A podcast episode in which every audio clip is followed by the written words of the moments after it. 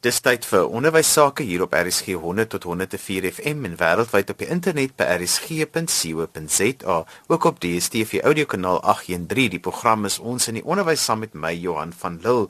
Vandag gesels ons oor veiligheid by skole. My gas is Cynthia Linde en sy is van die Soetlief program. Cynthia, vertel net eers vinnig vir ons wat is die Soetlief program? Ehm um, Soetlief is 'n uh, sagte vaardighede in Engels praat ons van soft skills program vir kinders. So alles wat 'n maatskappy dan nou in sy korporatiewe uh, sagte vaardighede vir volwassenes sou leer is wat ons al reeds op kindervlak vir kinders aanblootstel en vir hulle dit begin leer. Kom ons gesels oor veiligheid in skole. Waar begin die veiligmaakproses vir die onderwyser? Wanneer 'n mens praat van veiligheid, dan wil 'n mens dadelik 'n plek van veiligheid skep. So ons praat van 'n grens. Um, ek hou daarvan om te begin met 'n grens skep 'n veilige plek. Daar's en wat is 'n grens? 'n Grens is 'n lyn. Hy het 'n binnekant en hy het buitekant. Solank as wat jy binnekant bly, is jy veilig en op buitekant lê die gevaar. En wanneer ons as onderwysers dan nou werk en ons wil vir kinders veiligheid skep in 'n skool, dan is dit vir my die prentjie wat mense net altyd in jou gedagte moet hou as 'n verwysing. Nou is daar nie reeds so 'n struktuur of grens in plek soos wat jy nou sopas verduidelik het. Jy's reg, die nasionale skoolveiligheidsraamwerk van 2016 het ek nogal gaan bestudeer en dit gee nogal grense en lyne van wat is aanvaarbaar, wat is wat is uh, gevaarlik, wat is veilig. Dit het vir my egter 'n paar problematiese punte daarin in die sin van dat lyne nie altyd vir my duidelik is nie in die sin van dat dit vaag is. Um, en dan dat dit soms ook te algemeen is want wat 'n lyn is vir jou is nie noodwendig 'n lyn vir my nie en ook baie maal gaan dit na die beskryf van 'n spesifieke gedrag van iemand maar wat as ek in my lys van gedrag iets nie insluit nie of jou interpretasie daarvan is anders as my interpretasie. Sommige gou vinnige voorbeeld. As dit praat van um, dit wat buitekant is, byvoorbeeld in hierdie raamwerk wat daar gestel word, en ons praat van dit wat buitekant is en gevaarlik is en sê dit sê dit enige iets wat druk op krag gebruik um, op 'n individu wat kan lei daartoe dat die persoon dan nou beseer word of benadeel word. Maar in dit ehm um, sê dit dan ook byvoorbeeld as hulle as daar gepraat word van boelie gedrag wat dan nou so iets kan wees dan skei dit dadelik tussen wat is terg en wat is boelie. En dan dan sê mens maar terg is iets wat kinders net soms met mekaar grappe maak maar dit is vir my iets wat gevaarlik is want soms is dit oukei okay vir my as ek vir jou terg maar dis nie lekker vir my as jy dit met my doen nie. En baie maal in terg is daar ook 'n seermaak komponent en ek hoor so baie maal dat kinders hy iemand sal seermaak of met sy woorde of sal tart of terg soos wat ons dan sal sê en dan draai ons om en as ons sien dit het iemand seer gemaak dan soos baie vinnig om te sê, "Haai, dit was net 'n grap." Maar waar is dit 'n grap en wanneer is dit in Engels praat ons van trashing wat is letterlik net plat trap iemand. En dan is dit vir my ongelooflik hoe dat kinders met wie ek werk ook hierdie persepsie het van 'n mens se vriend mag soms vir jou lelike goeie sê en tart en terg. Nou vra ek altyd net vinnig die vraag, um, as my man nou by die huis kom en vir my sê, "Haai, weet jy mevrou, jy het nou ekstra paar kilos aangesit hier na die um, vakansie en en ek raak nou vies en hy sê, "Haai, weet jy dis net 'n grap, dink ek hierdie grap werk nie." Maar ons los te veel ruimtes in ons voorbeelde vir misinterpretasies. So vir my sou dit beter wees indien daar meer gefokus word op die beginsel wat meer goeders insluit. So beteken dit dan dat onderwysers eintlik wat veiligheid betref by skole by hulle self moet begin. Weet jy, ek dink as dit gaan oor 'n grens en 'n mens hierdie tipe persepsie het van grense is die lyn waar binne ek bly en dis veilig en buitekant is dit nie dan dink ek 'n baie goeie plek om te begin is by myself. Ons weet byvoorbeeld, ehm um, die kind moenie praat wanneer ek praat nie of die kind moenie besig wees met iets anders nie. Maar weet jy wat, dit is vir my ongelooflik hoe dan ek ehm um, by skole soms kom. Uh, ek sal nooit eendag vergeet ek ek word genooi om a, net 'n vinnige praatjie by 'n skool te kom doen en 'n groep onderwysers sit in 'n groep en ek het nou met van die kinders gewerk. So ek weet nou half wie skwaai juffrouens en wie skawer juffrouens en terwyl hierdie praatjie aan die gang is, het die juffrou wat die kwaaiste is oor jy praat nie wanneer ek praat nie, so jy moet binne in jou grens bly, was die hele sessie besig op haar selfoon. So jy weet nou dink ek net die hele tyd by myself ons wil hê kinders moet binne in hulle grense bly maar ons self funksioneer en bly nie binne in grense waar binne ons moet bly nie. Ehm um, en ek dink net dat ons moet begin om vir ons kinders 'n voorbeeld te, te wees. Ek kom baie keer ook in by skole en dan doen ek 'n konsert en dan is dit vir my so ek ek, ek hoef nie die kinders stil te maak nie, maar die onderwysers langs die kante sit harder wat mekaar praat as die kinders wat in die middel sit. En ek dink net dat as ons wil hê, daar's weer eens dit kom terug na algemene beginsel vir 'n praatgrens en dit is maak nie saak wie jy is, wat jy is nie, daar's een persoon wat in die praat is en die ander is uit die praat en in die luister. So wat kan onderwysers prakties in die skool doen om grense en veiligheid te bewerkstellig? Ek dink een van die goeie plekke om te begin is as ons sê dat 'n grens is 'n lyn en dat daar binne is 'n definitiewe binne en 'n buitekant is, is om hierdie grense te begin kommunikeer. Ehm um, visueel dit te doen veral met jou klein ouetjies um, om visueel die proses te sê waardeur goeders moet gaan en en 'n veiligheid te, te skep net in die kindsomgewing. Gou 'n paar voorbeelde net vir praktiese doeleindes noem.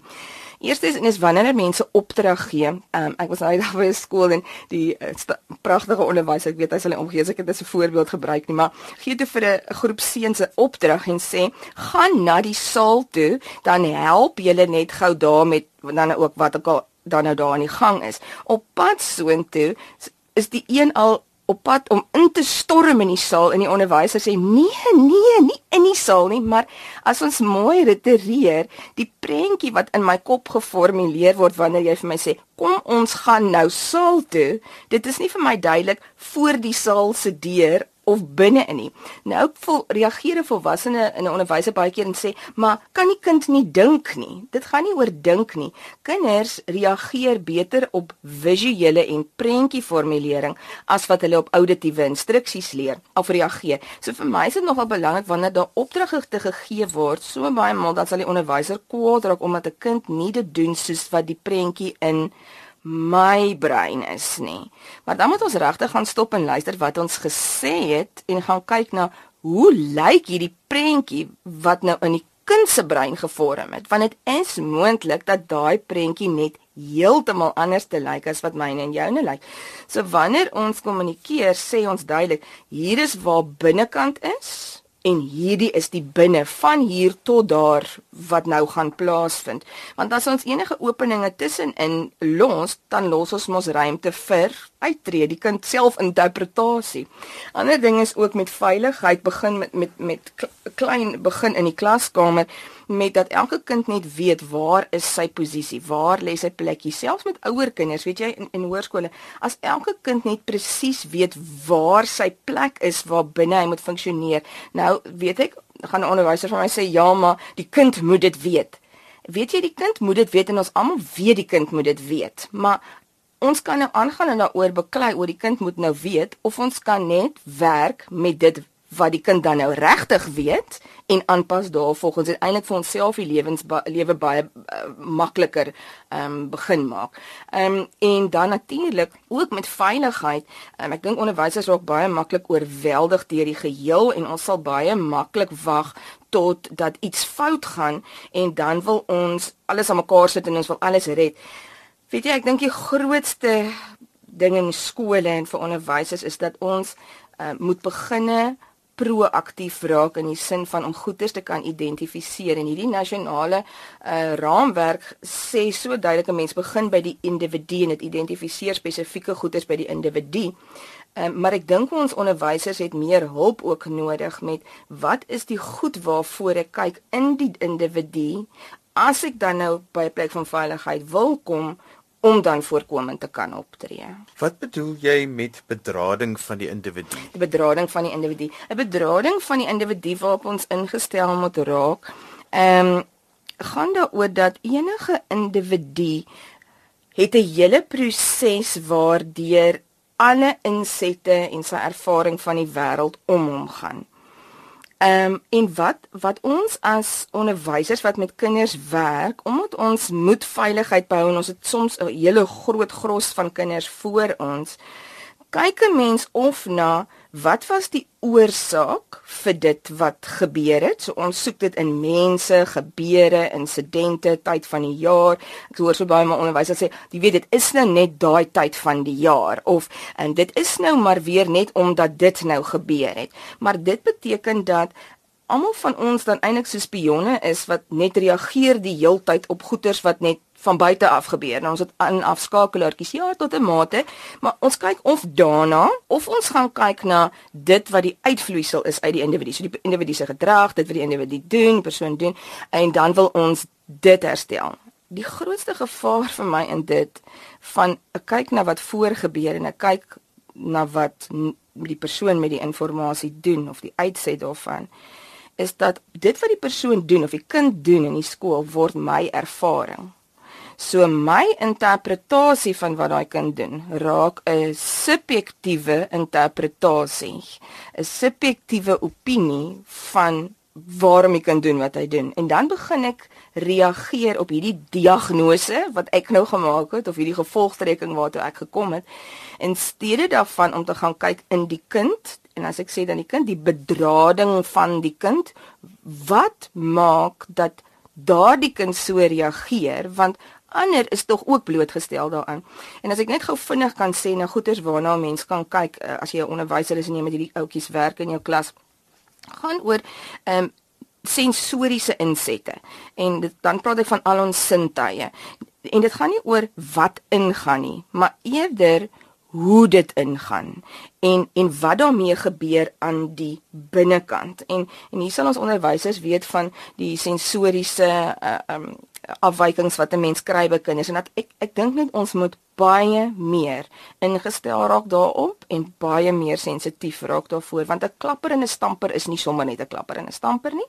Ander ding is ons moet ook kyk na ehm um, ja, is die persoon meer emosioneel, is hy meer logies ingestel? Hoe is die kind geneties saamgestel? Ja, enige genetiese gebreke, die kind se persoonlikhede en om na hierdie hele samestelling van die individu te gaan kyk en te kyk in hoe mate beïnvloed die kind se stelsel sy liggaam en hoe hy saamgestel is hoe hy die inset verwerk want dit gee eintlik vir jou die uitset. En as 'n mens dit begin verstaan kan jy begin agterkom waar lê die swak plekkies. En dan word jou intervensie gefokus nie op gedragsverandering nie maar die versterking van swakhede in die persoon in die individu. Nou wil ek net gou-gou vinnig daarby las. In die nasionale skoolveiligheidsraamwerk word daar spesifieke goeters genoem wat risikofaktore is by kinders, die individu wat kan lei tot dan nou onveiligheid of gevare binne in die skool. En al daardie goeters wat op daardie lys is, kan jy binne in een grensrampie dan nou gaan sit en dan het dit te doen met hierdie uh, bedrading van die kind. My grootste bekommernis hierin is net dat daar nie riglyne en strukture voel dit vir my in plek is vir onderwysers om hulle te help om hierdie goed spesifiek te identifiseer en te voorkom nie. Dat daar nie genoeg ondersteuning is met hierdie goeters nie. Maar Um, ons kan nou oor die probleem sit en praat en jy weet mos ek is nie 'n probleem ingestelde mens nie. Ek sê ons soek die oplossings. Ons kan nou sit en kla en kla.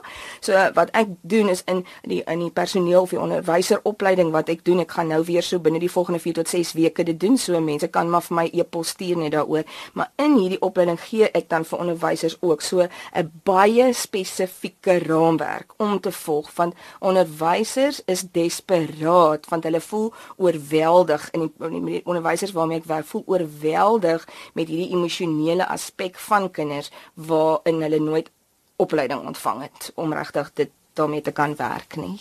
Cynthia's mense meer wil uitvind van die Soetlief program, hoe kan hulle dit doen? Hulle kan na die webwerf toe gaan www.soetlief.co.za. Jy luister na RSG 100 tot 104 FM en wêreldwyd op die internet by rsg.co.za, ook op DStv audiokanaal 813. Die program is ons in die onderwys saam met my Johan van Lille.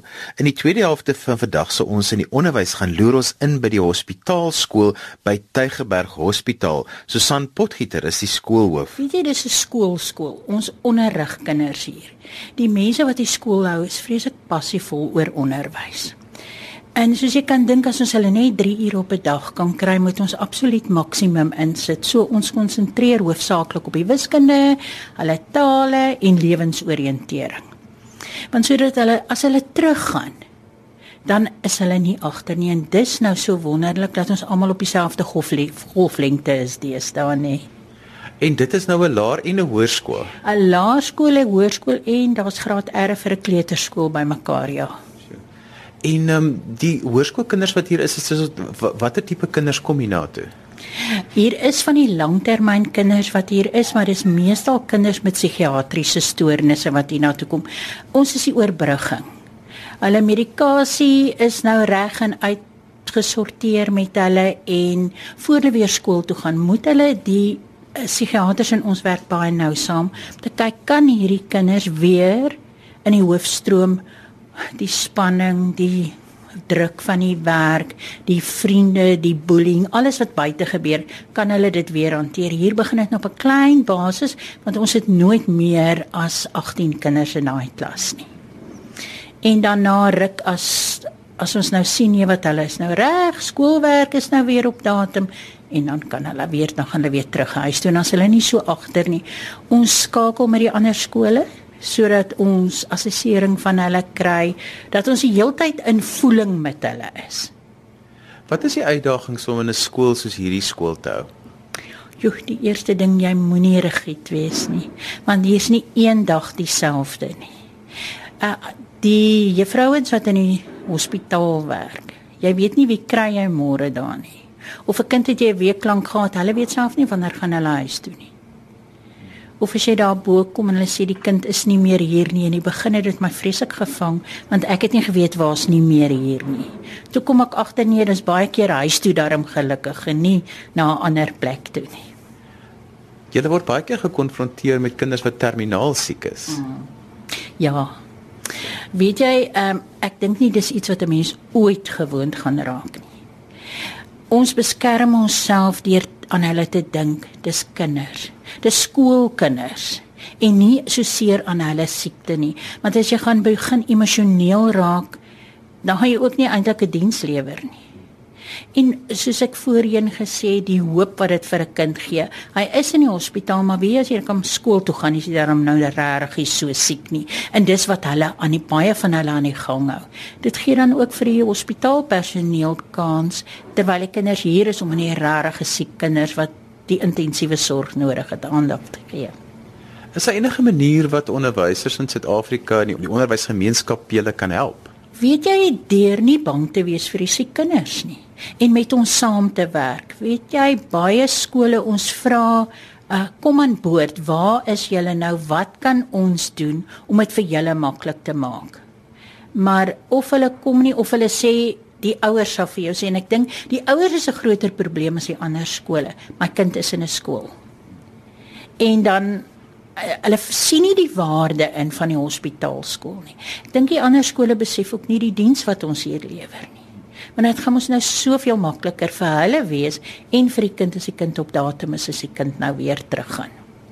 So wat is die verskillende dienste wat julle by die skool aanbied? Bied jy dis soos 'n gewone skool? ons gaan deur die leerplan uh die onderwysers wat hier is ongelukkig kan ek nooit jong onderwysers aanstel nie want 'n mens moet emosioneel sterk wees en jy moet die leerplan ken en jy moet verstaan vandag dan gaan aan jou klasse graad 1, 2 en 3 kind wees Afrikaans en 'n Engelse kind.